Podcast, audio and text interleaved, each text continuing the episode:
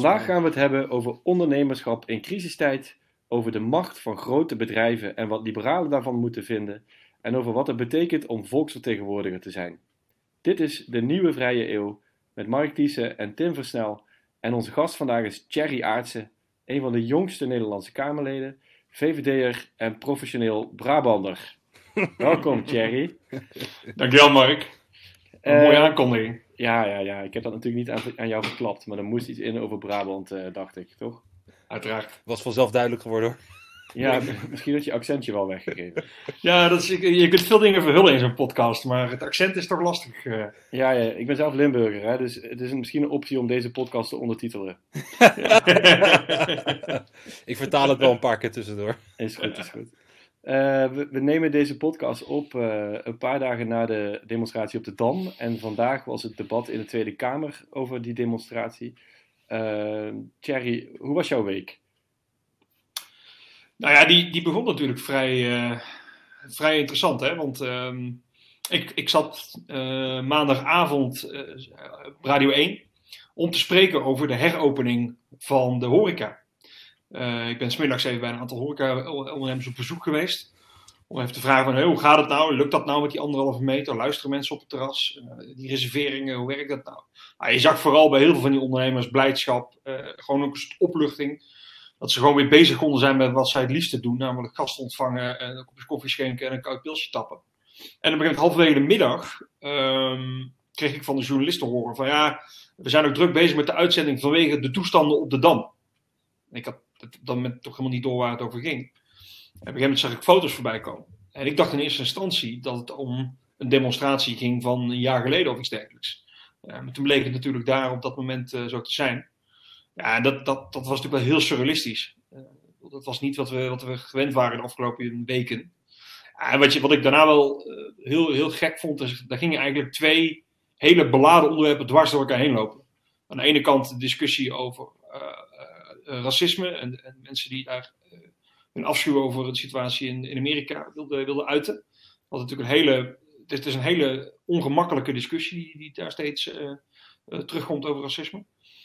En aan de andere kant natuurlijk de coronamaatregelen en het feit dat, dat mensen zich daar niet aan hielden. En natuurlijk de burgemeester van Amsterdam die daar wel de zweep over die demonstratie heen liet vallen. Dat het onderwerp van eh, de demonstratie in haar afweging heeft bijgedragen aan het wel of niet door laten gaan daarvan. Ja. En dat zijn natuurlijk weer hele vervelende discussies die door elkaar heen zijn gaan lopen. Ja, dit, dit was ook een soort eh, opwelling van onbegrip. Hè? Je ziet dat niet vaak volgens mij, maar eh, ik heb het zelf een paar keer meegemaakt.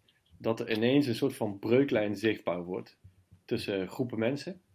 Eh, ook tussen gewoon redelijke mensen. En ik had het zelf dat ik met, met hele slimme, betrokken mensen, een beetje aan de linkerzijde, eh, gewoon waar ik normaal leuke gesprekken mee kan voeren, het ook gewoon oneens mee kan zijn. Dat we echt bijna niet meer met elkaar konden praten hierover, omdat het onbegrip zo groot was. Dat vond ik wel echt een. Ja, dat is geen fijne, fijne, eh, fijne ervaring, zoiets. Als, je, als, als zoiets zo zichtbaar wordt, zeg maar.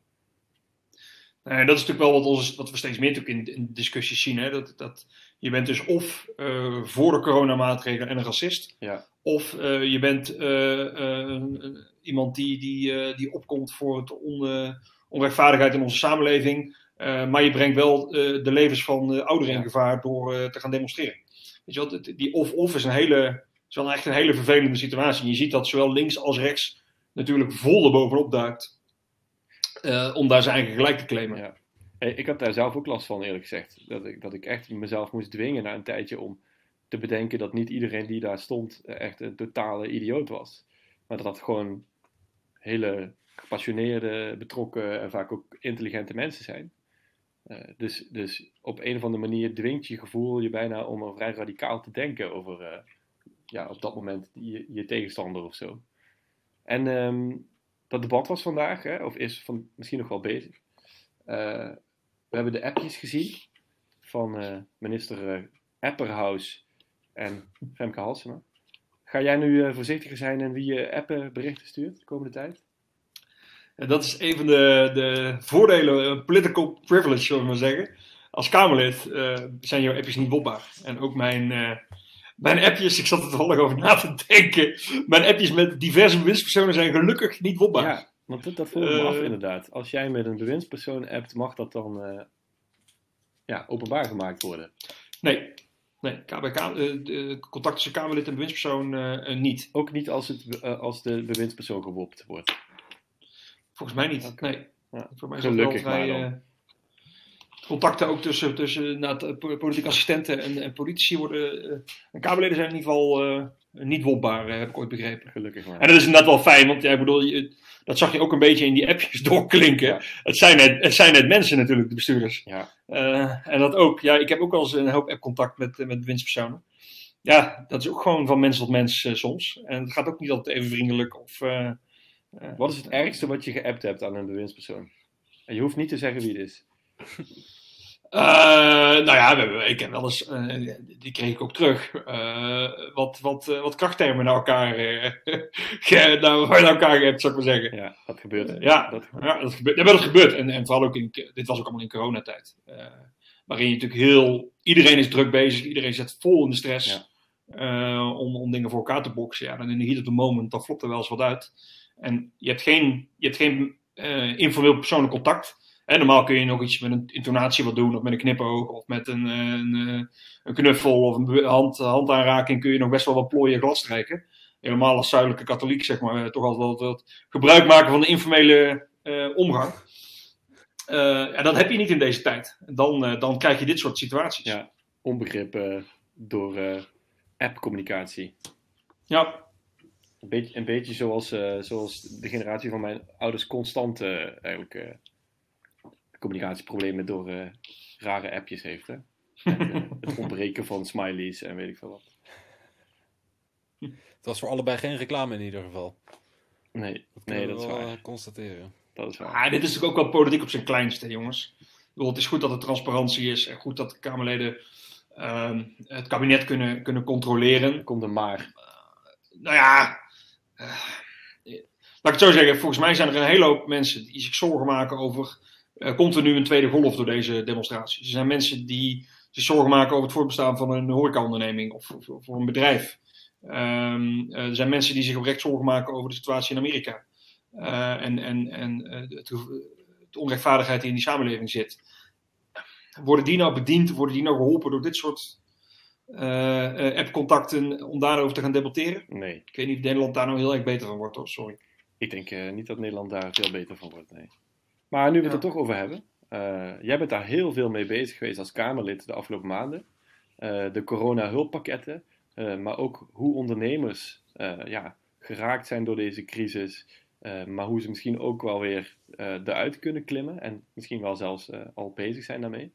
Ehm, kun je daar wat meer over vertellen? Ten eerste, was, wist jij eerder wat er, wat er ging spe- spelen dan, dan bijvoorbeeld ik? Hè? Want bij mij raakte, ja, raakte echt pas het besef hoe erg het was toen die, eh, die lockdown al bijna kwam.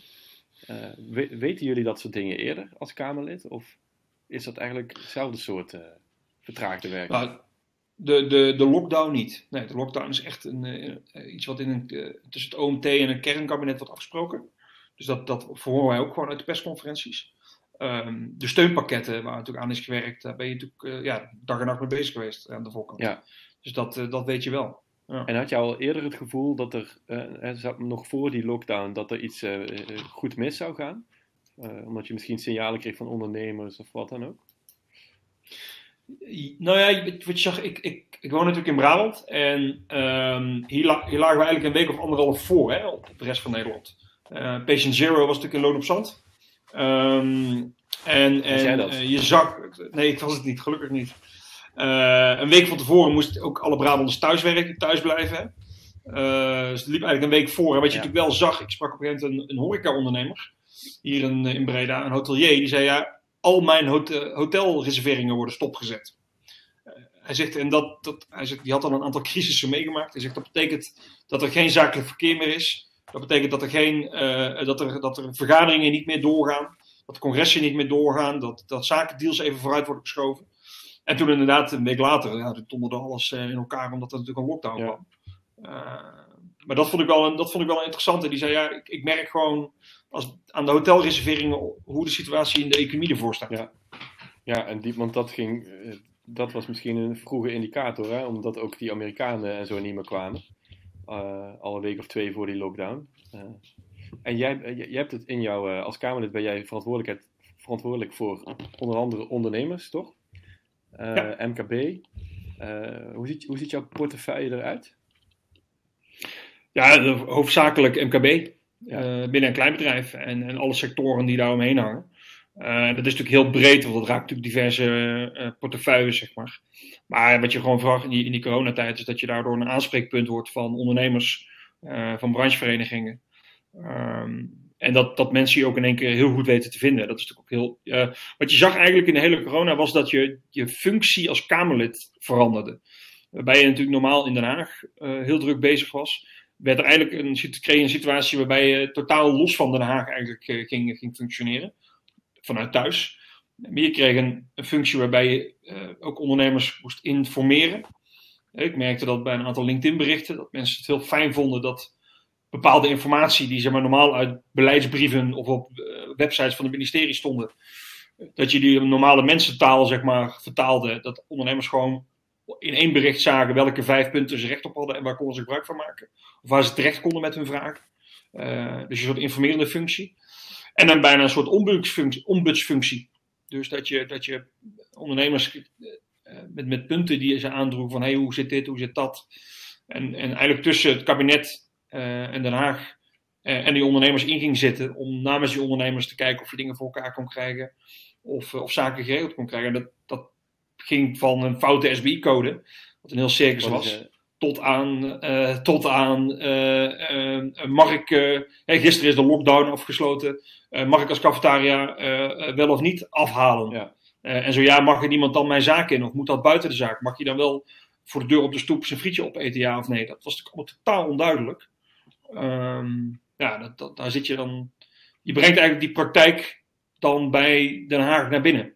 Bij de ministeries en bij het kabinet naar binnen. Van hé hey jongens, hier moet toch altijd ja. op komen leg daar een ei over, want anders zitten ondernemers in onzekerheid. Ja, ja en, en, en het gekke is natuurlijk dat je misschien als liberaal ineens voor maatregelen aan het pleiten bent, waar je een jaar daarvoor nog niet eens, uh, uh, ja, die je nooit van zijn leven geaccepteerd zou, zou hebben. Als je kijkt uh, wat er in één of twee weken ineens aan, aan maatregelen genomen werd, vrijwel een basisinkomen voor, voor bepaalde groepen in Nederland, overeind houden van hele industrie ja, dat, dat was toch ondenkbaar geweest dat, dat, dat jij als VVD-Kamerlid dat bijvoorbeeld een jaar daarvoor had, had geaccepteerd. Nee, klopt. Uh, dit, dit, dit, stond niet in het VVD-verkiezingsprogramma al, deze maatregelen. Um, uh, maar het is een crisissituatie. Dan moet je dingen doen die je normaal niet doet. Uh, en kijk, ik denk dat er niemand voorbereid was op een pandemie. Dat, dat, een pandemie is niet, ook, ook niet liberaal of socialistisch. Je moet gewoon de boel overeind houden. Want uh, ondernemersrisico gaat ver. Maar deze situatie is natuurlijk geen, dit, is geen ondernemersrisico. Nee. Uh, de, oh, kijk, en dat is ook voor mij als liberaal een hele duidelijke afwegingskader geweest. De overheid heeft tegen bedrijven gezegd: u moet dicht. En als u niet dicht gaat, niet dicht gaat, dan krijgt u een boete van ons en dan komen we met een politieagent alsnog de zaak dicht doen. Nou, als je dat doet als overheid, je ontneemt die, die ondernemer zijn vrijheid om te kunnen ondernemen en de vrijheid om open te kunnen zijn überhaupt ja, dan heb je natuurlijk ook als, als, overheid de verantwoordelijkheid om die ondernemers te helpen en zo overeind te houden. En uh, wat, ik, uh, wat ik me echt al de hele tijd heb afgevraagd is, hoe wordt zo'n besluit genomen, hè? of in ieder geval zo'n pakket aan beslissingen? Dat moet zo snel gebeuren. Uh, en het gaat over zo ontiegelijk veel geld en ontzettend grote stappen. En het moet in korte tijd allemaal, uh, uh, genomen worden, zo'n beslissing. Hoe, hoe speelt zich zoiets af? Wordt er dan zeg maar een hele kleine groep mensen nog kleiner gemaakt en worden daar de knopen doorgehakt? Of wordt er dan juist een soort van grotere groep gecreëerd waaruit geluiden worden, gehaald om in ieder geval ja, een, zo, een zo breed mogelijk gedragen pakket te maken? Nee, je ziet dat dat heel klein wordt. En dat er ook gewoon heel pragmatisch gekeken wordt van uh, wat is er nodig. Kijk, in het begin zag je, dachten we nog dat het met normale maatregelen af kon. En zo die werktijdverkorting. Nou, dat doen normaal 100 ondernemers per jaar een, een, een, aanvraag voor. En in één weekend ging dat uh, naar de 500.000 aanvragen. Ik heb dat weekend nog met Koolmees gesproken, omdat dat systeem was er niet op Ja. ingericht, op die, eh, op die aanvragen. Ehm, eh, en zo waren er nog een aantal zaken eh, die op dat moment speelden. En dan ga je heel snel met elkaar in, in actiemodus. Eh, dat begint natuurlijk bij het kabinet, want die zijn aan zet. Maar je, je spreekt daar natuurlijk met het kabinet over. Eh, ik weet nog heel goed, het, op een gegeven moment was er in, in België de situatie van die 4000 euro. Eh, die ondernemers kregen 4000 euro om eh, gewoon van, nou dan, dan heb je in ieder geval de eerste buffer, zeg maar. Ja, dat stuur je dan eens een keer door naar een bewindspersoon. En zo heb je een appje van, hey, is dit wat jongens? Of in je coalitie-app van, eh, kijk wat er in België is, kunnen we die eens gaan onderzoeken.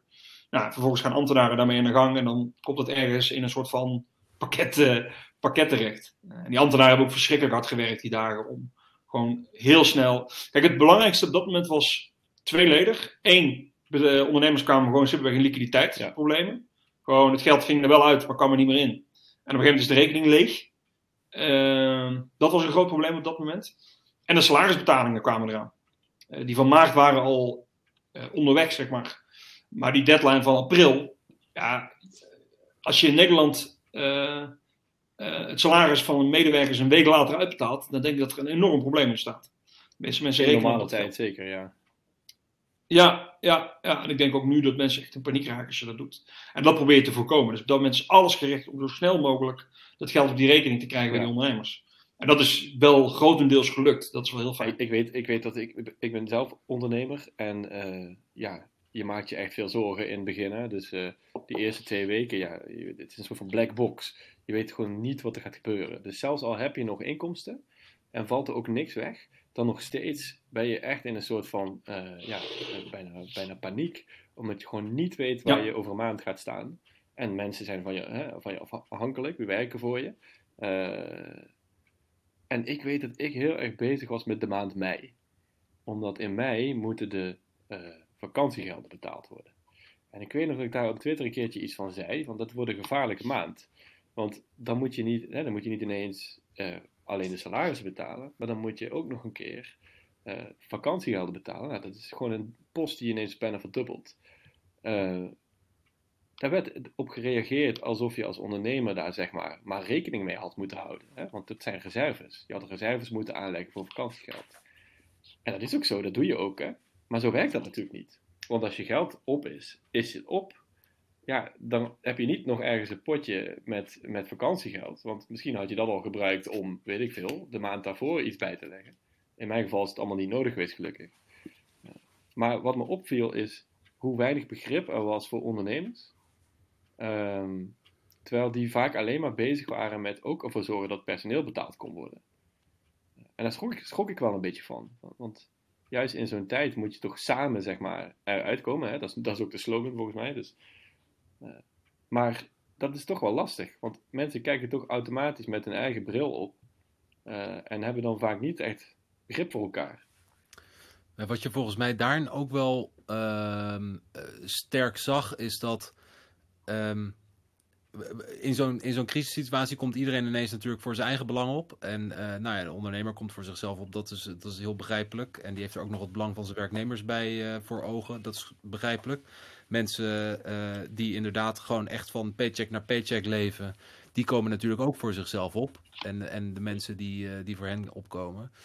Ehm, maar, maar wat je hier volgens mij ook heel erg tot uitdrukking zag komen in dat onbegrip, en met name ook in die discussie over dat vakantiegeld, is dat het beeld dat wij in onze samenleving hebben van het bedrijfsleven de afgelopen eh, jaren gewoon echt al heel fors is verslechterd.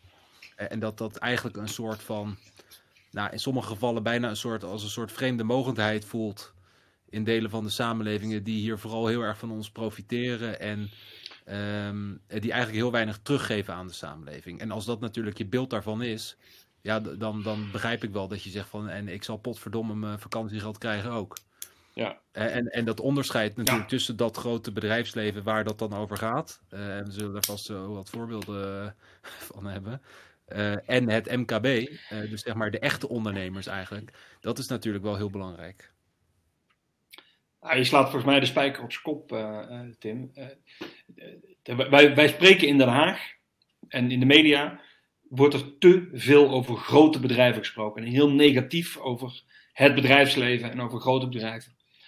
Het grote bedrijfsleven, dan heb ik het dus over de 250 plus bedrijven, is 0,7% van alle Nederlandse bedrijven. 0,7%. Dat moet je even in je gedachten houden als je Lilian Marijnissen ziet staan en als je Jesse Klaver ziet staan. Die praten over 0,7% uh, van het Nederlandse bedrijfsleven. bedrijf? Uh, meer dan 250 werknemers. Dus er zitten ook familiebedrijven tussen uh, uh, die, uh, die maar drie, die 300 mensen in dienst hebben.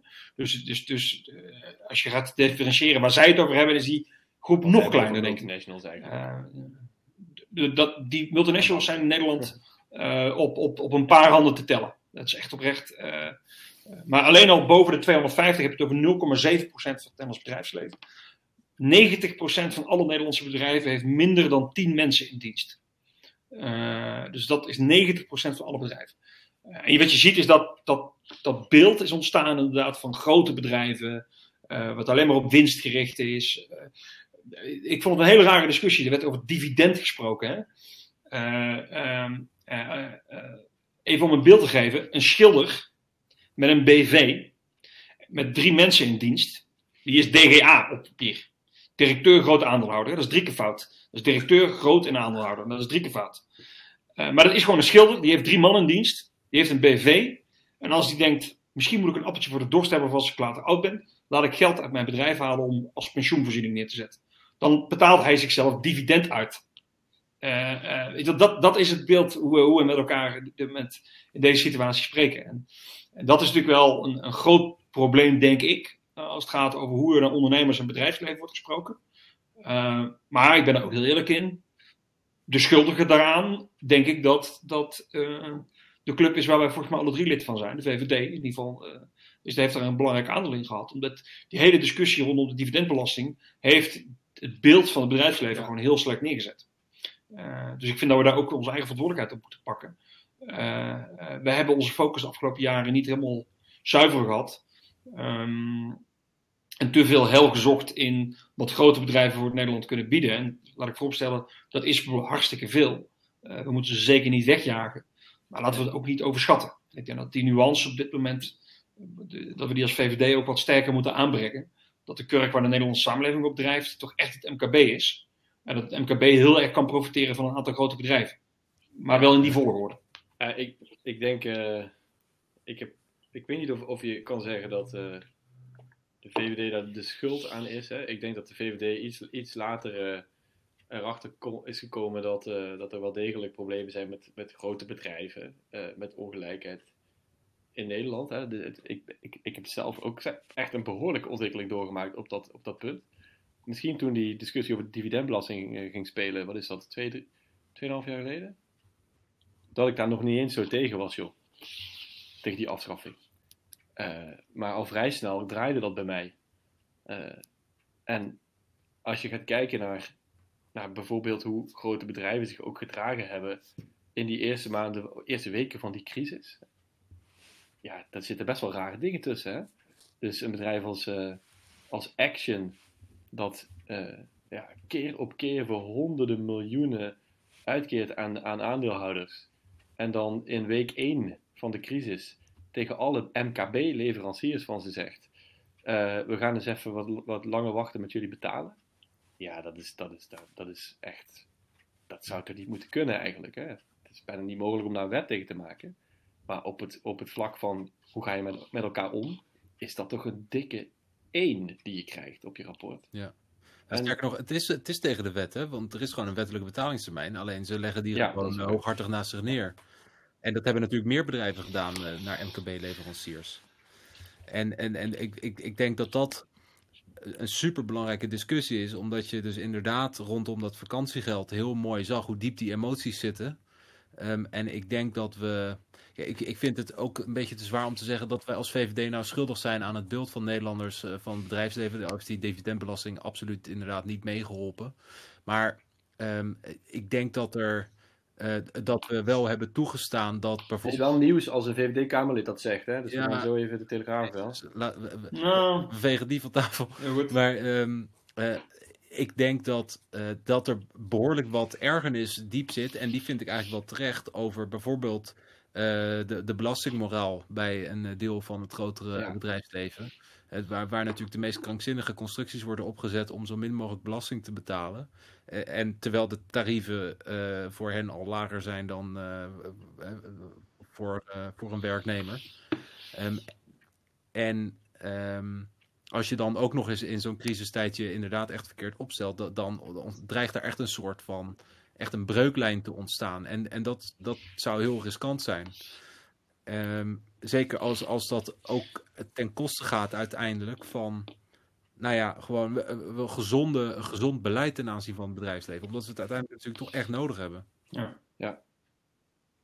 Nou, ik zet, hem, ik zet hem bewust even scherp aan. hè. Ik zeg niet dat wij als VVD de hoofdschuldigen zijn uh, aan het hele imago. Het probleem is natuurlijk wel dat, omdat we die focus zo scherp hebben gehad op die dividendbelasting, wat op zichzelf en, uh, nou ja, uh, enigszins begrijpelijk is, maar natuurlijk best een fors bedrag voor het effect wat je wilde bereiken. Um, en de miscalculatie dat dat dan doorcijpelt in die, in die maatschappij. Ja, precies dat. Um, maar wat, wat, er daardoor, wat, wat, daardoor, wat daarmee is gebeurd, is dat je anderhalf jaar lang, uh, of bijna twee jaar lang, een discussie hebt gehad over wat ja. voegen die bedrijven nou toe.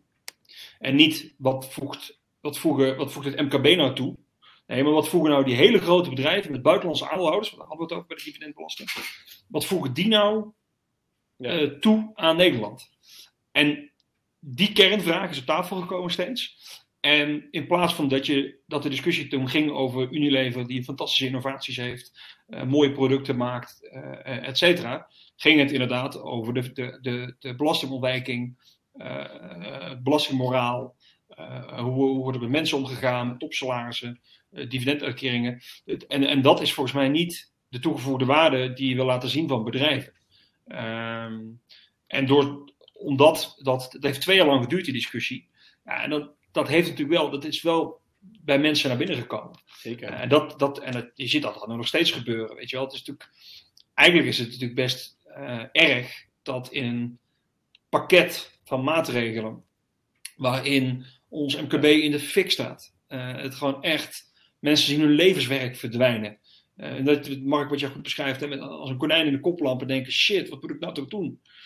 Dat dan volgens de Tweede Kamer het alleen maar heeft over één of twee excessen van grote bedrijven. Uh, dat tekent natuurlijk ja. iets over de situatie in de Tweede Kamer. En ik ben blij dat wij gelukkig steeds uh, dat, dat MKB-belang kunnen, kunnen verwoorden en dat ook kunnen vertellen in de Kamer. Maar het feit dat dat, dat de, het hoofdthema is, uh, dat is natuurlijk best wel zorgelijk. Maar wel terecht toch, hè? Want um, ja, ik denk maar zo, als je, als je zelfs mij tegen grote bedrijven krijgt, dan is er wel wat aan de hand.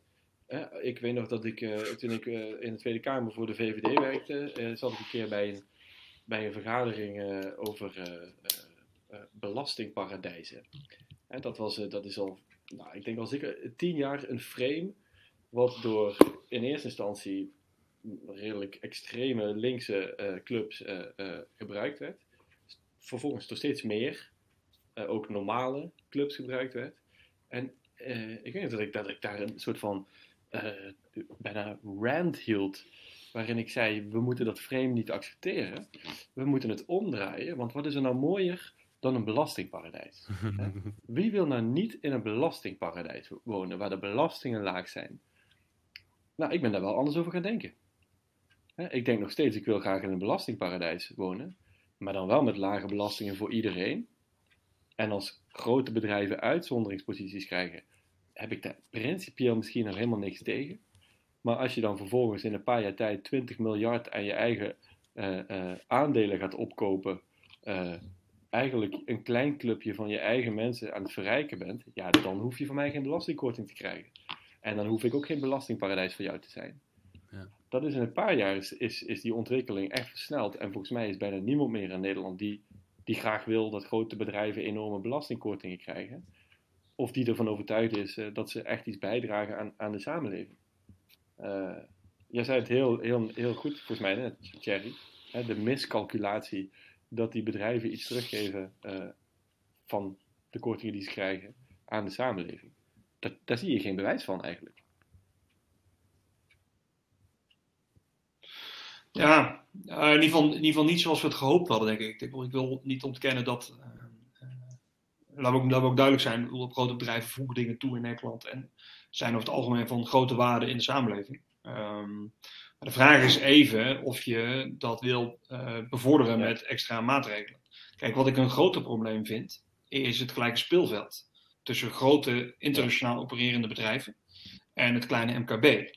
En dan moet je eigenlijk als en wij zijn als liberalen heel gauw, oh, dat is de markt, moeten we aan overlaten, allemaal tot je dienst. Maar een, een uitgangspunt van die markt is wel dat het gelijke monniken gelijke kap is. Een gelijk speelveld. En wat je ziet in ons huidige belastingssysteem, Hm. is dat dat dus niet het geval is. Als ik nu eh, naar buiten ga, eh, in de winkelstraat, dan staat daar een reclamebord. En dat, over dat reclamebord moet die lokale ondernemer belasting betalen. En die moet belasting betalen, net zoals die OZB moet betalen, om de straten en de pleinen te kunnen onderhouden. Als ik naar buiten loop, dan struikel ik bijna over dat, belast, over dat reclamebord. Waarom? Ik krijg via mijn telefoon van Coolblue of van Bob.com of van Amazon een reclame waar geen belasting over wordt betaald. Dus die ondernemer moet wel belasting betalen over dat bord, om reclame te maken, maar die grote internationaal opererende multinational hoeft dat niet. Terwijl als ik daar bij Amazon mijn productje bestel, dan moet dat product toch echt via die platen en eh, die, die straten en die pleinen waar die lokale ondernemer wel belasting over betaalt, eh, eh, naar mij toe worden gebracht. Dus de lokale ondernemer draagt wel bij aan het onderhouden van, ons, van zijn straat om daar die producten overheen te laten, laten te lopen. Maar Amazon doet dat niet. Eh, en dan, dan heb je hem eigenlijk dubbel, want je krijgt grote bedrijven die geen bijdrage leveren aan de samenleving waar zij wel verdiensten uithalen. Dat is, een, dat is iets waar ik, waar ik bezwaar tegen maak. Maar het allergrootste bezwaar maak ik tegen dat er dus een belastingverschil zit tussen een kleine MKB'er eh, eh, en een groot bedrijf. Nee. Ja, dan moet je ook niet gek op staan te kijken dat het product natuurlijk bij die ondernemer dan duurder is Ja. dan in die, op die webshop. Dit is wel letterlijk wat er Eh, gebeurt, hè? eh, Want er worden hetzelfde geldt- belastingdeals gesloten. Ja. Ja, als je de slager... Ja, maar nog los van de deals. de meest... Los van de deals. Wij, wij, wij hebben ons, ons belastingssysteem is ingericht op Ja. fysieke bedrijven. Bedrijven die, die, die een, een winkel hebben. En daar een postadres waar we een blauwe envelop naartoe kunnen sturen. Ehm, daar, is het, eh, daar is het op gericht. En eh, je ziet dat daardoor een, een ongelijk speelveld eh, ontstaat met bedrijven die, omdat ze internationaal opereren, eh, geen fysieke vestiging per se nodig hebben in Nederland, waar je een factuur natuurlijk kan sturen als gemeente zijnde van hey, u maakt ook gebruik van hier de straat en de plein. En daar zit wel een, een knelpunt, denk ik, waar we, en Ja. ik denk dat we moeten goed kijken hoe we ons belastingssysteem hebben ingericht. Hoe je dat kan, eh, hoe je dat kan, dat, eh, dat lijkt kan me, ik corrigeren. bedoel, het klinkt me als eh, kerkgezang in de oren dit. En daar hou ik daar toevallig van. Ehm, maar dat lijkt me vrij ingewikkeld. Eh, en, bedoel, het moet natuurlijk absoluut gebeuren, maar wat, wat zou je kunnen doen om eh, die grote, eh, zeker, dus je, noemt Amazon, maar dat geldt denk ik ook voor de Alibaba's van deze wereld, andere dat soort bedrijven. Ehm, wat zouden we dan kunnen doen om die gewoon hun fair share te laten betalen? Dat soort bedrijven die ook heel veel via internet doen. hoe, wat zou je kunnen doen? Nou, Alibaba is overigens nog een andere, eh, totaal andere casus, hè, want die hebben een nog groter ongelijk speelveld, omdat ze zich simpelweg niet aan onze Nederlandse regels houden. Eh, illegale producten deze kant op sturen, onveilige, onveilige producten eh, deze kant op sturen, geen btw betalen, geen invoerheffingen betalen. Die personen niet echt de boel. Ja. Maar goed, dat is een andere discussie. Ehm, eh, kijk, de, de vraag die je nu stelt is een, is een vraag die ook links veel gebruikt. Hè, die hebben het over een digitax. Of eh, de Europese Commissie heeft ook een voorstel gedaan om grote bedrijven met meer dan 750 miljoen eh, eh, te, te belasten. Op zich is dat niet eens een heel, op zich is dat niet eens een heel gek idee. Alleen wat, je, wat, je, wat ik niet wil is dat het geld in de zakken in Brussel verdwijnt. Of dat het op onze rijksbegroting terechtkomt. Want dan heb je nog steeds het probleem niet opgelost. Dan leg je een extra belasting neer bij die grote bedrijven.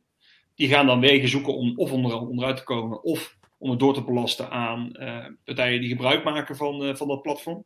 Dus je moet gaan kijken volgens mij, hoe kun je dat geld gebruiken om belastingkortingen aan het MKB te geven. Zodat zij ook in staat worden geacht om hun kostenmodel aan te passen aan een veranderende eh, samenleving. Kan natuurlijk beide doen. online want, je kunt ook zeggen, we gaan helemaal niks doen bij die grote bedrijven. We gaan vooral belastingkortingen geven aan de MKB. Dat kan altijd. Dus als je dat wil, zou je dat morgen kunnen invoeren.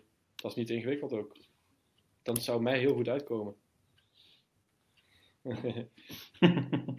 nou, je, zoekt, je, je zoekt ook nog een manier om het, om het echt op de, Om het ook Ja. echt bij die kleine ondernemer te laten komen. Hè? Nou, Dat is nog best ingewikkeld in ons systeem. We hebben, nou ja, goed, even de, de, de, de VOF's en eenmanszaken, Ja. die hebben een inkomstenbelasting. Eh, daar zou je iets in de zelfstandige aftrek kunnen doen. Maar ja, de zelfstandige aftrek is nu dit moment onderdeel van de hele ZZP-discussie. En ook daar zit toch best wel een probleem, denk ik. Dat zien we nu ook in de coronacrisis. Eh, dat er toch best wel wat ZZP'ers zijn die zeg maar, nu in de problemen komen. Omdat ze nou, door die zelfstandige aftrek fiscaal bevoordeeld zijn om ZZP'er te worden. En je kunt je afvragen Ik vind hem topper, en- die aftrek. echt ondernemers zijn. Eh, en, en, en, ja, nee, dat kan me heel goed Maar hij is ook heel fijn voor ondernemers eh, in die B, in de inkomstenbelasting. Maar dat is dus misschien niet de plek waarop je die eh, eh, korting moet geven. Ehm, eh, eh, en in de BV zit je hem alweer in de winstbelasting te zoeken.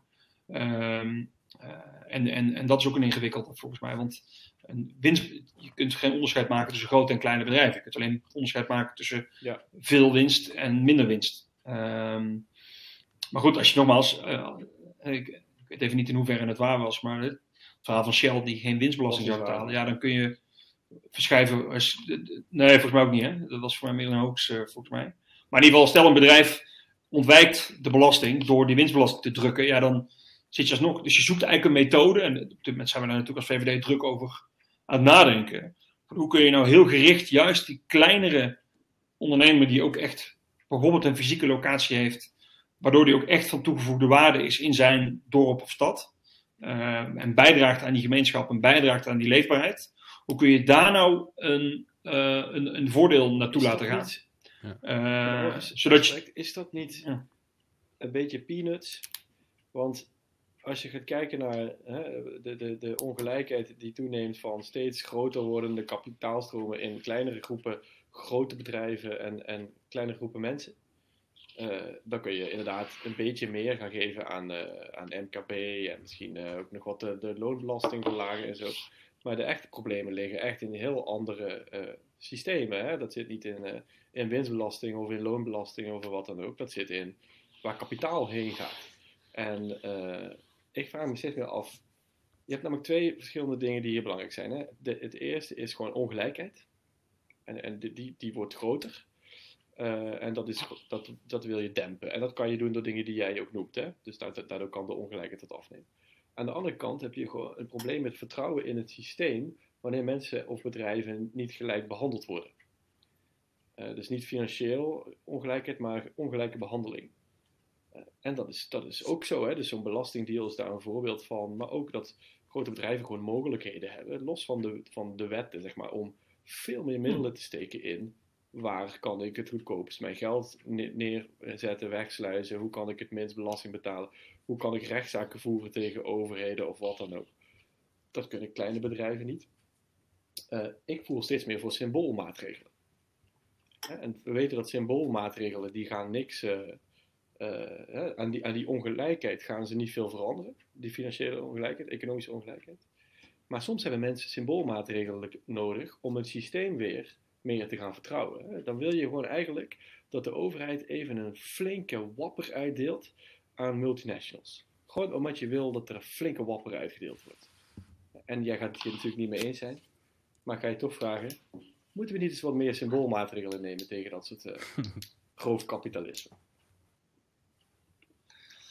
Eh, eh, nee, want je blijft in dezelfde discussie zitten die we op dit moment zitten. Dat we, dat we praten over 0,3 pro- of 0,7 procent van alle Nederlandse bedrijven. Eh sterker en waarschijnlijk nog een kleiner deel ook. Het, is, het is oprecht beschamend dat de bijdragers van Ascher, Klaver en Marijnissen, gewoon de volledige linkse oppositie, alleen Ja. maar gaan over grote bedrijven. Dat is Ja. echt, echt, echt heel jammer. Eh, en, en je moet, dus ja, dan kun je zeggen, nou, we doen daarin mee. Eh, we gaan ook eh, symboolmaatregelen nemen, oh, kijk onze Ja, maar- stoel. Maar dan blijf je een symbolische discussie. eh, voor, voor mij is het veel interessant, voor mij veel belangrijker om de discussie te voeren. Hoe gaan we dat MKB versterken? Hoe gaan we die speelgeld gelijk maken? Want die ongelijkheid is op zich niet eens een hele verkeerde. Zolang er maar een gelijk speelveld is. Als er ongelijkheid ontstaat tussen ondernemer A en ondernemer B, omdat ondernemer A succesvol is en beter is en slimmer is en een beter product of dienst aanbiedt, dan is het ongelijkheid tussen die twee helemaal niet verkeerd. Want dan, eh, dat, dat, dat is goed voor, de, voor, voor het systeem en goed voor de, voor de samenleving. Ehm, maar dan moet het wel een gelijk speelveld zijn. Het kan niet zo zijn dat ondernemer B slechter is uh, omdat hij meer belasting moet betalen, omdat hij wel BTW moet afdragen, omdat hij wel sociale lasten moet, uh, moet afdragen, uh, noem het allemaal maar op. dat, dat maakt het natuurlijk, dat, dat, dat fundamentele principe van die gelijke monniken, gelijke kappen, dat moeten we weer terug gaan brengen in onze samenleving en onze Ik economie. dat je dat faveur van het MKB. eens. Alleen dat gaat niet het probleem oplossen van het level playing field, of van het gelijke speelveld. Want het, het probleem van het gelijke speelveld zit niet in, in puur in belastingmaatregelen. Dat zit erin dat bedrijven zo groot kunnen worden dat ze hun, hun normen, uh, eigenlijk hun wil, kunnen opleggen aan hele uh, sectoren. Uh, en dan kan je de andere, de kleintjes, een beetje minder belasting laten betalen, of de, de grote kun je wat meer belasting laten betalen. Daar gaan ze niet onder lijden. Ze blijven gewoon bijna monopolisten. en dat is natuurlijk killing voor de vrije markt. Wat, wat volgens mij de fase waar je nu, nu, nu in zit, is dat we de vrije markt moeten gaan verdedigen tegen de winnaars van de vrije markt. Uh, ik heb laatst een boek gelezen van, van Peter Thiel. Hij is de oprichter van PayPal. Nou, dat is een, een aardskapitalist. En die zegt gewoon heel eerlijk in zijn boek: Je bent eigenlijk een beetje een loser als je een bedrijf begint zonder het doel te hebben om een monopolie te krijgen. Dus hij zegt: kapitalisme heeft niets te maken met vrije markt en met, met gelijk. Dat is maar één ding: kapitalisme is erop gericht om monopolies te creëren. En dat zie je nu gebeuren. Want Amazon komt hier naartoe. Uh, en jij kunt de reclamebelastingen opleggen aan, aan, Amazon. Of je kunt het MKW, kun je minder reclamebelastingen opleggen. Dat gaat er niet voorkomen dat Amazon hier, als ze willen, die hele markt overneemt. Toch? Maar, dus het maar is fundamenteler. Ik, ben het, ik, ben het, ik deel je zorg hoor, maar ehm, het e- element wat, wat we nu een beetje over het hoofd zien is de consument zelf. Ehm, en, en dat is, weet je, het gaat ook om dat we ehm, onszelf natuurlijk gewoon als eh, consument zijn gaan zien, die recht heeft op het eh, product voor de laagste prijs wat hij kan vinden. Ja. Eh, en dat is wat we kopen. En we hebben eigenlijk, eigenlijk boeit het niet waar het vandaan komt. Of het nou inderdaad via Alibaba een nepproduct is uit China of gewoon eentje van de eerlijke witgoedhandel om de hoek. En ik hoop ehm, dat deze ervaring met die coronacrisis, waarin we toch weer allemaal wat meer in onze eigen gemeenschap eh, lokaal worden teruggeworpen en, eh, en natuurlijk met van die acties van kopen lokaal en, eh, enzovoorts, dat mensen weer ontdekken hoe belangrijk het is dat je die zaken, dat je die ondernemers om je heen hebt. En dat we, wa- want natuurlijk moeten we die fiscale ongelijkheid proberen aan te pakken. Ehm, en ik deel helemaal je zorg over die kapitaal en dus die machtsconcentratie bij een steeds kleiner groepje mensen wereldwijd. Ehm, maar we hebben het natuurlijk ook voor een heel groot deel zelf in de hand. Wij, wil, wij zijn geen willoze volgelingen van Amazon. Weet je wel, wij bepalen zelf uiteindelijk aan wie we onze euro overmaken. Eh, of liever nog bij wie we het in de hand drukken. Eh, als dat straks weer kan. Ik vind dit wel de kracht van Cherry's. eh, eh, Ik ik, wou- ik denk dat het ik laatste zeker waard. Dankjewel. Ja, en dan, Ik vind, Zal ik vind zwijgzaam naar luisteren? verhaal. Eh, en dat is volgens mij, eh, eh, kijk, als, als, als het lukt wat jij, wat, wat jij wilt doen, hè, met die focus op het MKB leggen weer. En inderdaad steeds herhalen dat de meeste ondernemers, de meeste bedrijven in Nederland gewoon fatsoenlijke MKB, kleine eh, bedrijven zijn. Eh, dan komt er ook weer misschien meer bewustzijn bij mensen dat dat gewoon onderdelen zijn van je gemeenschap. Hè? Dus dat je, dat je juist even naar de overkant loopt om een, om een boek te kopen, in plaats van dat je het bij Amazon bestelt. Ah, het, zijn, het is een leefbaarheidsdiscussie. Het is geen economische discussie. En daarom wil ik ook wegblijven bij de symboolmaatregelen eh, richting die grote eh, multinationals. Want dat gaat de boel niet oplossen. Het gaat, we moeten een, een leefbaarheidsdiscussie met elkaar voeren. En daar moeten we continu die, die maatregelen op, eh, eh, opnemen. Je moet gaan zorgen dat die, die, die MKB'ers, dat die weer... Kijk, die, die markt is veranderd. Eh, Het zijn over het algemeen retailers en die markt is veranderd. Dat, dat businessmodel van die ondernemers is veranderd. En ze zeggen altijd, hè, het is fysiek versus online. Dat is niet zo. Dat versterkt elkaar. Heel veel van die ondernemers willen ook mee veranderen, doen dat ook. Private shopping, deels online, beleving, blurring, noem het allemaal op. Maar dat betekent dat het businessmodel verandert. En dat ze dus met, meer effort minder inkomsten hebben. Dat is op zich geen probleem als je je kosten naar beneden kan krijgen als MKB'er. En daar komt die overheid om de hoek zeilen. Want die belastingen, die zijn allemaal gericht op die fysieke winkels. Ons hele systeem is daarop uh, op, uh, op ingericht. Uh, er gaan, we hebben een enorm hoge sociale premies als jij een paar medewerkers in dienst hebt. Wat natuurlijk heel gek is, want er zit een enorme boete op het in, in, in dienst hebben van, van medewerkers. Daarom vind ik dat je als overheid de vraag moet stellen: waarom, als we dat fijn vinden dat kleine ondernemers meer mensen in dienst nemen, waarom hebben we dan over werknemer nummer 1 net zoveel belasting als werknemer nummer 523? Dat is best gek. Je zou daar op zich, zeg maar, wel iets van progressiviteit in kunnen hebben, waardoor daar een prikkel ontstaat. Als je gaat kijken naar de huren, er zit een koppeling tussen uh, de waarde van een, van een pand en de huurprijs. Waarom dalen die huren nooit als het, als het slecht gaat economisch gezien? Dan moet namelijk die huurbaas, die vastgoedeigenaar, moet zijn pand gaan afboeken.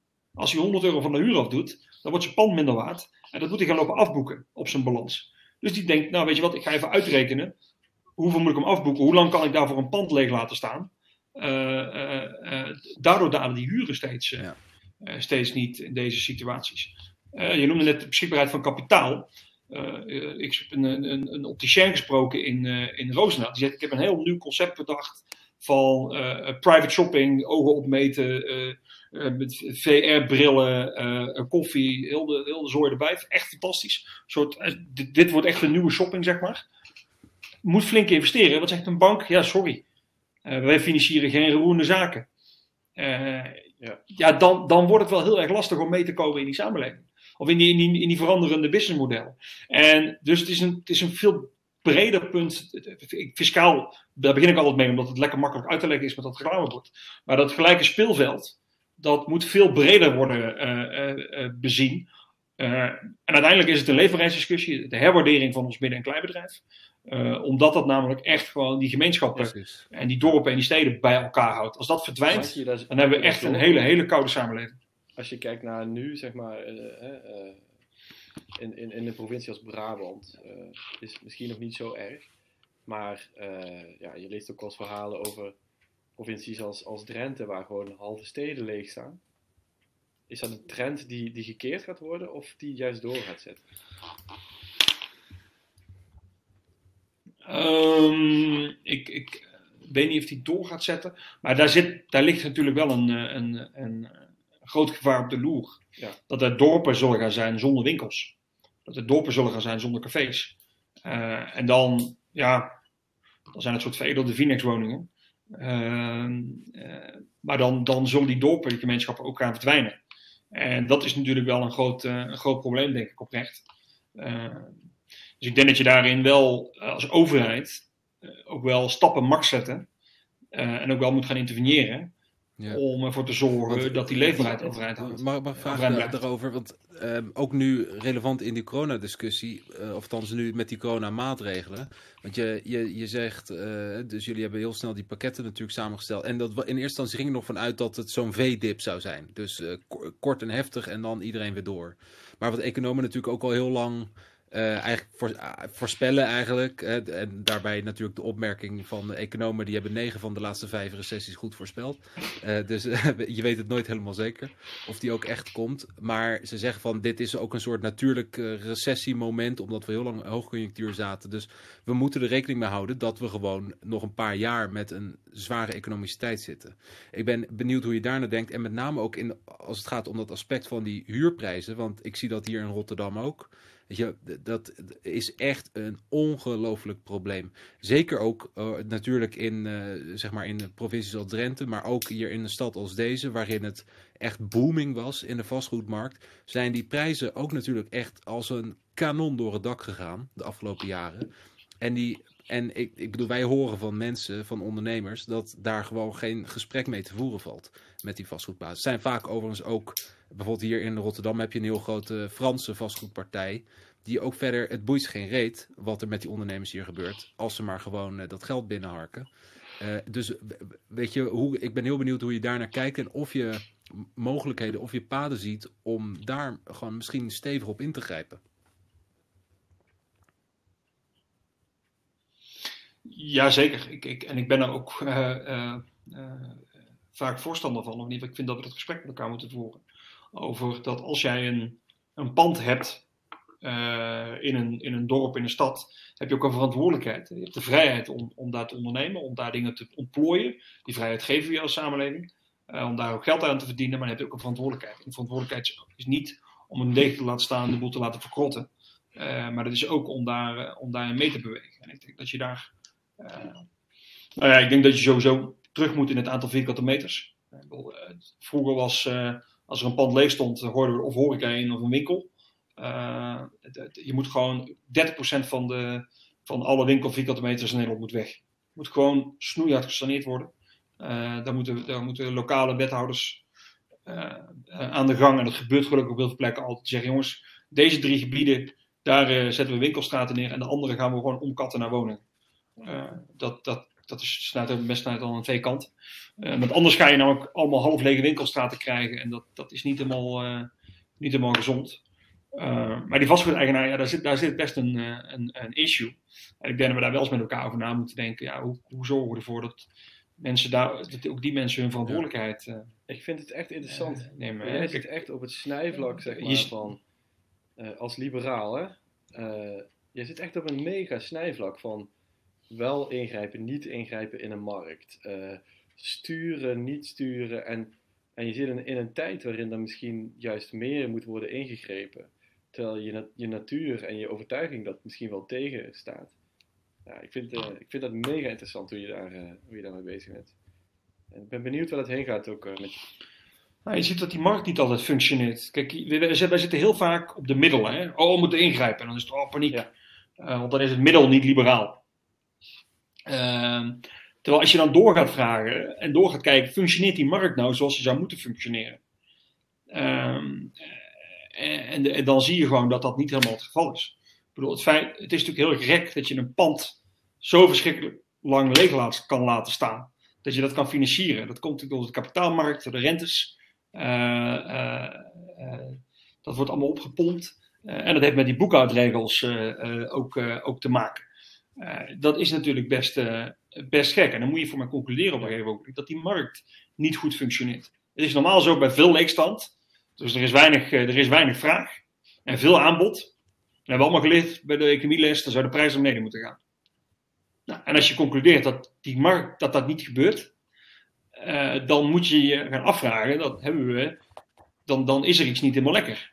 En dat komt, die markt is namelijk gereguleerd. Je mag niet zomaar een winkelpand beginnen. Je mag niet zomaar een horecapand beginnen. Er zitten, daar zitten bestemmingen op. D- daar zitten allerlei regelingen op hoe je dat moet financieren. Noem het boekhoudregels. Dus dat, die markt is al gereguleerd. Dat is al niet echt een lekkere vrije markt. Nou, als je dan concludeert dat die markt niet goed werkt. En dat dat schadelijk is voor onze samenleving. Dan denk ik ook dat je op moet zeggen. we grijpen daarin zonder, dat vind ik dan wel, hè, je moet dan niet die vastgoedeigenaar als boeman zien en dan kosten wat kost daarop ingrijpen. Daar moet wel een stukje redelijkheid in zitten. Hè, Je, moet die, die vastgoedeigenaren ook niet het vel over de oren heen trekken. Weet je, als het gewoon eh, eh, de oude eigenaar van een pand is eh, die dat gewoon als pensioenvoorziening heeft, eh, omdat hij voorheen ondernemer was en het pand toevallig kon kopen, dan eh, ik wil eh, persoonlijk dan- wil ik weet je wat, daar moet je ook rekening mee houden. Maar ik vind wel dat je daar niemand iets van te vinden. ik ben op, ik ben nu, Ja, ik ben nu bij nummer 18. nee, heel goed. Dat, dat staat je op vrij. Dan wordt het eh, tijd voor een paar blauwe enveloppen, vriend. Eh, oh shit, dit is openbaar. hè. Hey Jerry, ik wilde, wij wilden eigenlijk nog één ding met jou bespreken. En eh, omdat, omdat we vinden dat Mhm. jij eh, dat op een bijzondere manier doet. En dat is eh, de invulling van het zijn van volksvertegenwoordiger. Hè, we hebben, we hebben eh, behoorlijk wat volksvertegenwoordigers in Nederland. Eh, 150 Kamerleden. Eh, en, en iedereen doet dat op zijn eigen manier natuurlijk. Maar soms heb ik het gevoel dat het begrip politici en het begrip volksvertegenwoordiger in onze democratie eigenlijk twee totaal verschillende dingen zijn. Dus je gaat de Tweede Kamer in, dan word je politicus. Terwijl wat je eigenlijk wordt is vo- volksvertegenwoordiger. En het is mijn mening dat er vrij weinig volksvertegenwoordigers in de Tweede Kamer zitten. En ik vind jou dus wel iemand die juist volgens mij bewust bezig is. Niet alleen met, want jij vindt politiek super gaaf. En dat is ook duidelijk. Je- ben jij, eh, ja, je, je, je wil niks liever dan in de politiek zitten. Maar jij bent ook bewust bezig met volksvertegenwoordiger zijn. Is dat iets wat je al, waar je langer zeg maar echt, echt over nagedacht hebt? Of is dat iets wat jou gewoon als persoon ook wel ligt? Waar je misschien niet eens over na hoeft te denken. Beide. Beide. Kijk, ik, ik geloof erin dat mensen. Dat het cruciaal is dat mensen zich vertegenwoordigd voelen, gehoord voelen. Denken, daar zit iemand voor mij, die er voor mij is, die ook misschien een beetje op mij lijkt. Of, of, maar dat mensen niet wat idee hebben van, uh, dat is een van ons die daar zit. Of, of die zit daar in ieder geval voor mij. Ik denk dat dat deels komt. ik kom zelf uit een middenstandsgezin. Bij ons thuis ging het nooit over politiek. Dat was het vaste adagium, ondernemersgezin. Voor twee dingen moet je niet spreken. dat is over geloof en over politiek, want het kan alleen maar klanten kosten. Uh, dus daar moeten we niet over hebben. Weinig klanten meer. Uh, en volgens mij in het hele. Uh, ik, ik, ik, ging. Ja, dat, dat, ik, ik mag me niet te veel afficheren met familiebedrijven. Dan, uh, nee, maar ik, ik, ik, ging naar de brugklas toen, toen Pim Fortuyn werd, werd doodgeschoten. En volgens mij was hij, sprak hij juist ook die mensen aan die, die geen stem hadden of, of het gevoel hadden dat ze niet vertegenwoordigd werden. En dat was voor mij altijd wel een inspiratiebron. Ja, als, je, als je in die Kamer zit of in de politiek zit, dan vind ik dat mensen het gevoel moeten hebben dat, dat jij echt een volksvertegenwoordiger voor die mensen bent. En uh, nou, volgens mij begint dat door heel dicht bij jezelf te blijven. Uh, niet in één keer een pak aan gaan trekken en een stropdas. Je moet wel netjes vragen. Uh, en, gewoon, en gewoon op je eigen manier dat blijven, dat blijven doen. Um, dus ja, ik denk dat dat, dat past heel goed bij mij. Maar ik geloof ook in dat dat in een samenleving heel belangrijk is. Ben, waarvan je denkt van, die, die belangrijk zijn in de manier waarop jij volksvertegenwoordiger uh, bent?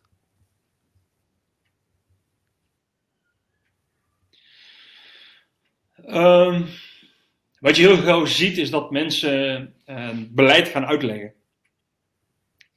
Uh, en, en daardoor dingen die raar zijn of gek zijn, ja, dan gaan wat politici gelijk gaan doen, gaan uitleggen hoe dat komt of hoe dat zit, of gewoon het kabinet heeft besloten.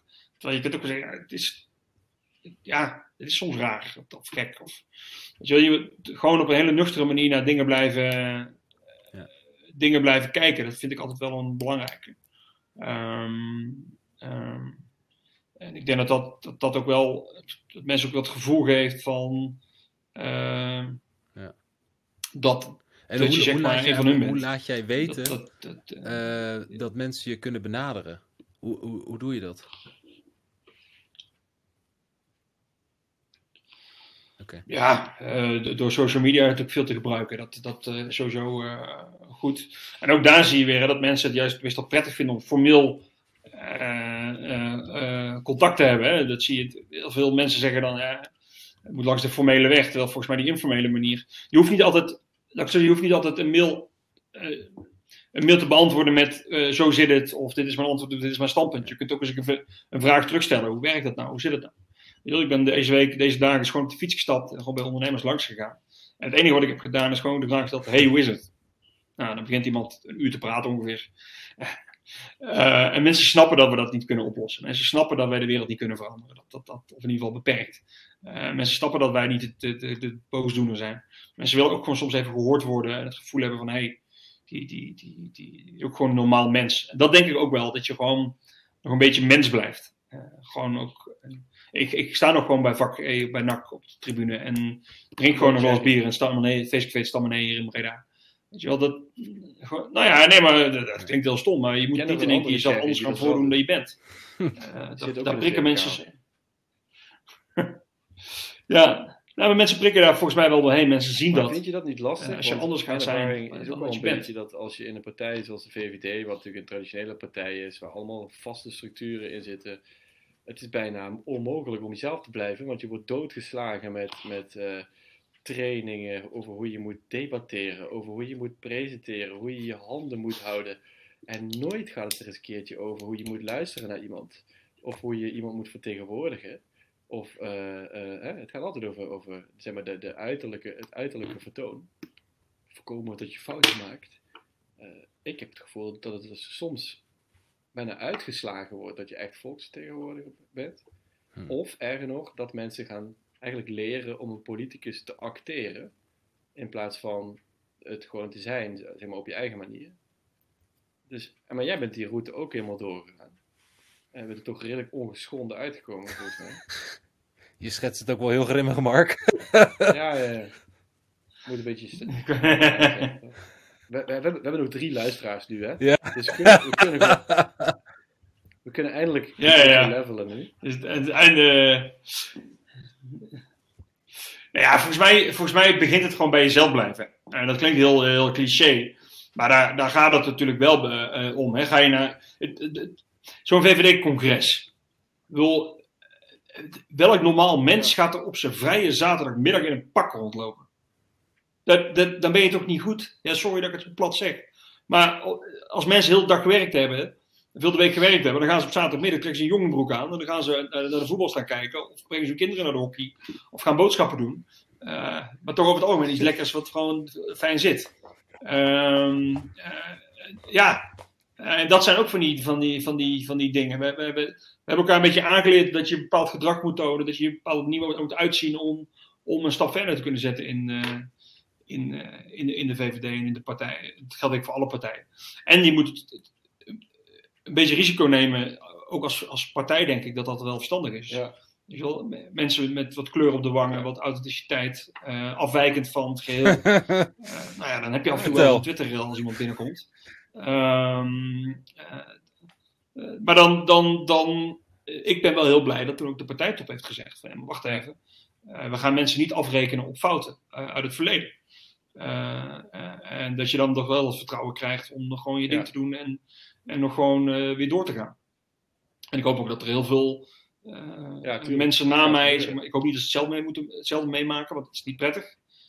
Eh, maar ik, ik hoop oprecht stiekem dat het toch iets van dat zijn, omdat je namelijk daarmee, Ja. eh, je krijgt mensen in plaats van dat robots. Of, en, en dat is eh, wel wat je wilt volgens mij. Er werden een paar tweets van jou Eh. gevonden toen je heel jong was, hè? ik geloof 18 of 19. Eh, en je bent daar redelijk hard eh, op aangepakt. Toen zat je net in de kamer, denk ik, of misschien nog niet eens. Nee. Ik zat nog niet in de Kamer. Ik ben het enige VVD, VVD, eh VVD nog voordat ik een functie had. Ja. Nou ja, dat was verschrikkelijk. Nee, dat, dat, die, die, die ellende bak, bak los en eh, dan, wordt, dan, dan, eh, dan gaat het helemaal los. En eh, tot Ja, aan echt, doodsbedreiging naartoe natuurlijk wat je binnenkrijgt. Dat is gewoon verschrikkelijk. Als er zo over wordt gesproken. Ja, ja, ook familie die lastig werd gevallen op social media en zo. Dat is gewoon niet, eh, dat is gewoon niet chill. Eh, het voordeel van zo'n Haagse storm is wel dat dat over het algemeen binnen een week voorbij is. Ehm, dat is dan wel weer zo. Eh, maar dat, is gewoon, dat is gewoon niet, dat is echt niet chill. Ja. Ehm, eh, om dat mee te maken op die manier. Eh, maar wat ik wil zeggen, ik hoop vooral. Ik, ik, ik hoop vooral dat, het, dat, het, zeg maar, dat andere politici dat enigszins bespaard blijft. Maar dat het geen effect gaat zijn Ja. van. We gaan eens even kijken wat u tien jaar geleden een keer heeft getwitterd. En als er iets fout bij zit, dan gooi je van de lijst af. eh, eh, ja, hoe zeg je dat? Voorloper van de nieuwe generatie. Wat, wat jij hebt meegemaakt, gaat de nieuwe generatie politici gewoon meemaken. Eh jij bent nog een stuk jonger dan ik zelfs. Hoe oud ben je? 30? Eh, stel dat je straks eh, Ik ben 30 politici gaat krijgen die in 2000 geboren zijn. Ja, daar ga je rare foto's van vinden. Daar ga je rare teksten van vinden. Dus wat dat betreft was jij misschien een van de eerste, maar echt, denk, ik denk niet de laatste. Nee, ik ben de eerste van de generatie. En, en, na mij gaan de Instagram-foto's Ja. van meisjes eh, in Renesse terecht. Maar eh, zijn er ook foto's van jou? eh, ook, ook volgen natuurlijk. Dat, daar kun je donder op zeggen. er zullen ongetwijfeld heel veel slechte foto's van mij te vinden zijn, eh, Mark. Maar ook daarvan vind ik weer, ehm, da- daar moeten we denk ik als samenleving, weet je, als je politici wil die mensen aanspreken, eh, dat, dan zul je ook daar Ja. af en toe eens wat, wat Ja. kleur in moeten toelaten. En dat gebeurt voor mij ook steeds meer. Eh, ik denk dat het ook een hele nieuwe, ik denk uiteindelijk ook dat dat een nieuwe, eh, ook een nieuwe generatie politici gaat zijn die eh, ook veel meer op een buitenparlementaire manier mensen gaat aanspreken en betrekken bij die politiek en ook eigen, ja, eigen bubbels eigen communities gaat bouwen of, of eigen. En dat vind ik ook een hele gezonde, hè, dat, je als dat politicus gewoon een eigen achterban hebt. Ons systeem is daar niet helemaal op ingericht. Ehm, en dat bevordert het ook zeker niet. Eh, maar ik denk dat het wel een hele gezonde is, want je bent en een stukje onafhankelijker, maar je weet ook gewoon voor wie je het doet. Je blijft niet in die holle frase hangen van eh, waarom je de politiek in bent gegaan. Dat zeg maar, je bent gewoon heel scherp. Ja. Maar voor die mensen wil ik er graag zijn en voor die belangen kom ik op. En dan kom je volgens mij op de kern waarom, je ooit, waarom er ooit volksvertegenwoordigers zijn eh, eh, bedacht. Staan de belangen van mensen waar, Alleen, te vertegenwoordigen op het ook gewoon gaaf. Toch? Ik bedoel, daar is er gewoon niks mee dat je als politicus zegt, eh, waarom ben je, wilde je politicus worden? Ja, ik vind het gewoon best wel gaaf. Ik wil graag eh, daar aan het werk zijn en ik vind het heel mooi om betrokken te zijn Ja. bij al die interessante eh, onderwerpen en met die slimme mensen en op zo'n hoog niveau met macht. En we, daar is ook niks mis mee. Hè? Je hoeft niet te zeggen, ik wilde politicus worden omdat ik in mijn jeugd dit en dat heb meegemaakt en mijn vader en weet ik veel wat. Het mag er ook wel zijn omdat je het gewoon gaaf vindt. En als je daarnaast ook nog eens benaderbaar bent voor mensen waarvoor je het eigenlijk eh, moet doen, dan ben je volgens mij een goede vo volksvertegenwoordiger. Nou ja, en die, die benaderbaarheid en betrokkenheid, dat zijn de twee kernwoorden die ik altijd voor mezelf boven mijn papiertje schrijf als ik ergens naartoe ga. Omdat dat volgens mij is wat je wil uitstellen. Je wil be- benaderbaar zijn voor iedereen. Dus mensen moeten je kunnen contacten, mensen moeten in gesprek kunnen gaan. Mensen moeten niet een drempel voelen om met je te, spreken. Eh, en die betrokkenheid vind ik ook een hele belangrijke. Dat, dat je ook gewoon eens een keer een mening hebt over iets wat er gebeurt in de samenleving. Zonder dat je gelijk zegt, dit is mijn standpunt. Of dit is mijn beleidstuk. Of dit vind ik ervan. Of dit, weet je, wel, je kunt ook gewoon eens ergens iets van vinden als persoon. Eh, en dat, mensen, je ziet dat mensen daar nog wel eens terughoudend in zijn in de politiek. Omdat iemand anders portefeuille is. Of omdat, dat, dat, dat. Eh, als je zegt dit is een probleem. Dan moet je ook gelijk een panklaar antwoord op hebben. En ik vind dat, dat MKB-verhaal een hele mooie.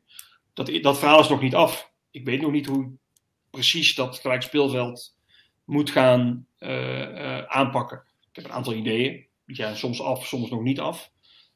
Maar ik vind het wel belangrijk dan om in ieder geval wel de probleemstelling neer te leggen. In een opinieartikel of in ondernemersavonden. En gewoon eens met mensen het gesprek aangaan, want daarmee verrijk je eigenlijk je eigen ideeën. Uh, en alleen dat, dat is natuurlijk in Den Haag af en toe best kwetsbaar. Dat je gewoon zegt, ik, heb een, ik zie een probleem. Ja. Ik heb wat oplossingsrichtingen, maar ik sta nog open voor andere oplossingsrichtingen. En uh, mijn oplossingsrichting is nog niet Ja. waterdicht. Want het Ja, is nog een idee in Ik ontwikkeling. ook dat je het woord op oplossingsrichting natuurlijk niet mag gebruiken. Is het, is het ook een kwestie van, uh, van leiderschap durven hebben? Um, ik heb wel eens het gevoel ook dat, uh, dat ons systeem uh, dat erg onderdrukt eigenlijk. Leiderschap. Nou, uh, on, kijk, we, bedoel, wij Nederlanders uh, we, van oudsher hebben we geen leiders. We besturen onszelf met elkaar. Uh, ons hele consensusmodel is daar natuurlijk opgericht. En Rutte is daar, denk ik, in heel veel opzichten ook in positieve zin een verpersoonlijking van. Maar we hebben ook mensen nodig die, die een weg durven wijzen. En, en die dan ook het zelfvertrouwen hebben van we gaan die kant op. We weten nog niet precies hoe het hele pad eruit gaat zien. Um, en, en, dat betekent dat je dus ook, zoals je dan ook letterlijk doet, voor een groep moet gaan staan en, en moet gaan praten. En ik, op een authentieke manier. Um, en, en ik heb wel eens het gevoel dat ons systeem nu en de hele ook mediacultuur daaromheen. Um, vooral uitlokt dat politici heel erg zelf met zichzelf bezig zijn en uh, met nou ja, een heel glad gestreken praatje uh, en voorgefabriceerde one-liners. Zodat je een gunstig media optreden hebt. Uh, maar wat eigenlijk niks te maken heeft met mensen leiden. Heb je dan over Hugo de Jonge specifiek of over ook andere Nee, ook Rob Jetten. ik, maar ik mag niet. Nee hoor, nee, ik, had, ik had niemand specifiek in gedachten. Maar eh, ik, ik wil je dat gewoon als gedachte voorleggen.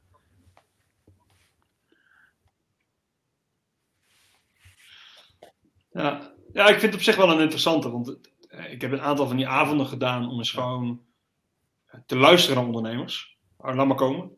Want ik merkte, ik deed deze portefeuille en ik merkte gewoon, er zat een, bij heel veel ondernemers zit er een blokkade bij de VVD in de zin van stuk emotie, omdat ze het gevoel hebben gehad, en het komt door die deels door die dividendbelasting, uh, dat we er alleen, hè, die zagen de minister-president iedere week weer vragen moet je uitleggen waarom je toch echt een belastingvoordeel wilde geven aan uh, grote bedrijven. En tegelijkertijd kwamen dan Kamerleden uitleggen. Ja, we hebben wel ons best gedaan voor jullie MKB'ers. Maar ja, sorry, compromis, moeilijk, moeilijk, lastig, lastig. Ja, dat beeld dat ging even fout bij een hele hoop ondernemers. Dus ik merkte bij heel veel gesprekken die ik voerde met ondernemers. dat, dat het boodschap die we wilden hebben niet binnenkwam. Maar dat betekent dat je, in het je moet luisteren naar die ondernemers. Waar zit dat probleem nou? En wat je dan heel erg merkt is dat je gewend bent om voor een zaal te gaan staan. En dan ga je het dan ga je dingen zenden, ga je vertellen, ga je die one-liners inderdaad uitpoepen.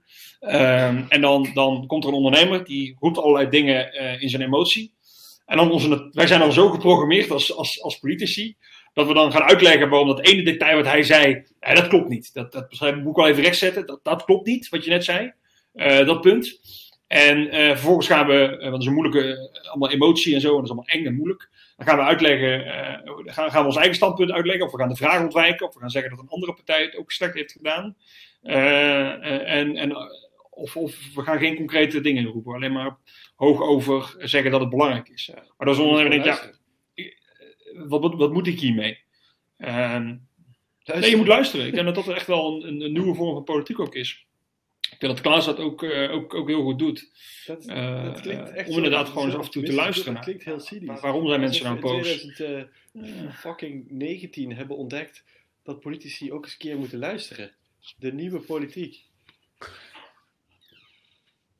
Ja, dat, dat, is, best, dat is best cynisch, eh, eh, inderdaad. Maar wij zijn op een of andere manier zo geprogrammeerd. En met wij bedoel ik niet alleen VVD, zeker niet. Dat geldt ook voor alle anderen. eh, dat, dat wij automatisch eh, maar moeten terugpraten. Terwijl, eh, ik heb dat toen, toen vorig jaar weer die dag van de ondernemer gedaan. En heel veel, heel veel lokale VVD'ers dat ook heel chill vonden. Door gewoon ergens binnen te stappen en zeggen, hoi, hoe, hoe gaat het? Wat zit je dwars?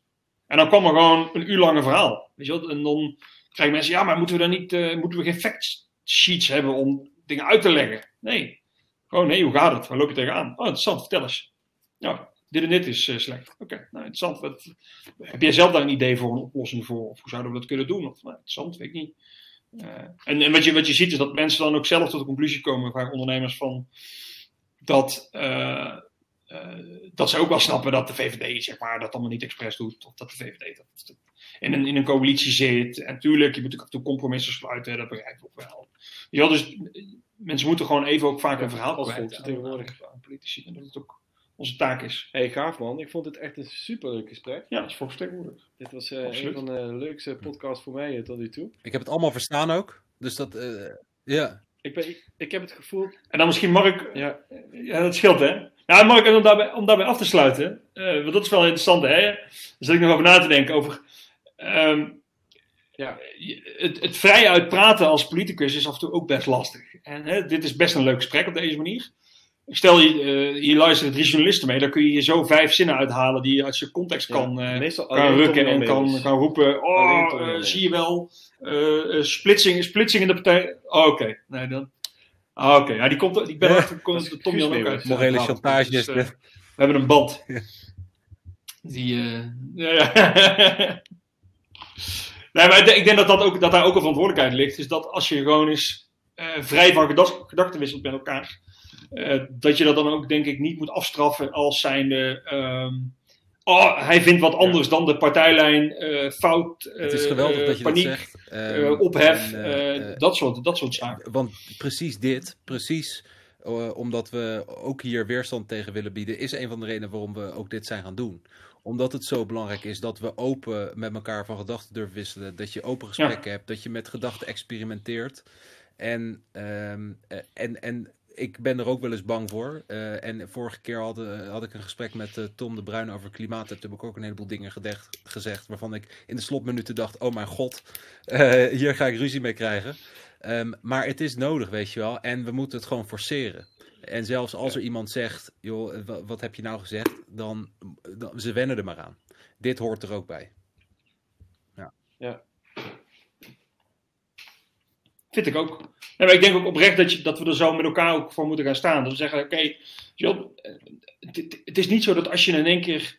ehm, dat als we van gedachten wisselen, dat dan dan gelijk paniek is, want dan moet het fractiestandpunt ja, ik af Ja, of zo. die kleingeestigheid moeten we vanaf. Eh, of, of ik denk dat we daar veel relaxter... Ja, Ja, veel, flikker op. of er zijn stromingen of scheuringen binnen de partij, of dat soort zaken. Voor mij moet je gewoon veel meer zeggen van, van ik heb wat ideeën. En, en ook niet gelijk van, oké, maar gaat u dan een motie indienen? Of komt u al met een wetsvoorstel? Nee, ik heb gewoon wat ideeën en, en ik, zie een, ik zie een probleem. Ik heb wat ideeën en dat wil ik eens delen met iemand. Of eens een keer kijken, hoe valt dat nou? Of hoe ligt dat nou? Of, en gewoon zo eens kijken, hoe kun je nou een probleem oplossen in Nederland? Of een, of een idee beter Ja, maken? dat, Dat- joh, best gevoelig, eh, en dan moeten we eh, daar uh, merk ik. aan hebben. Toch? Juist.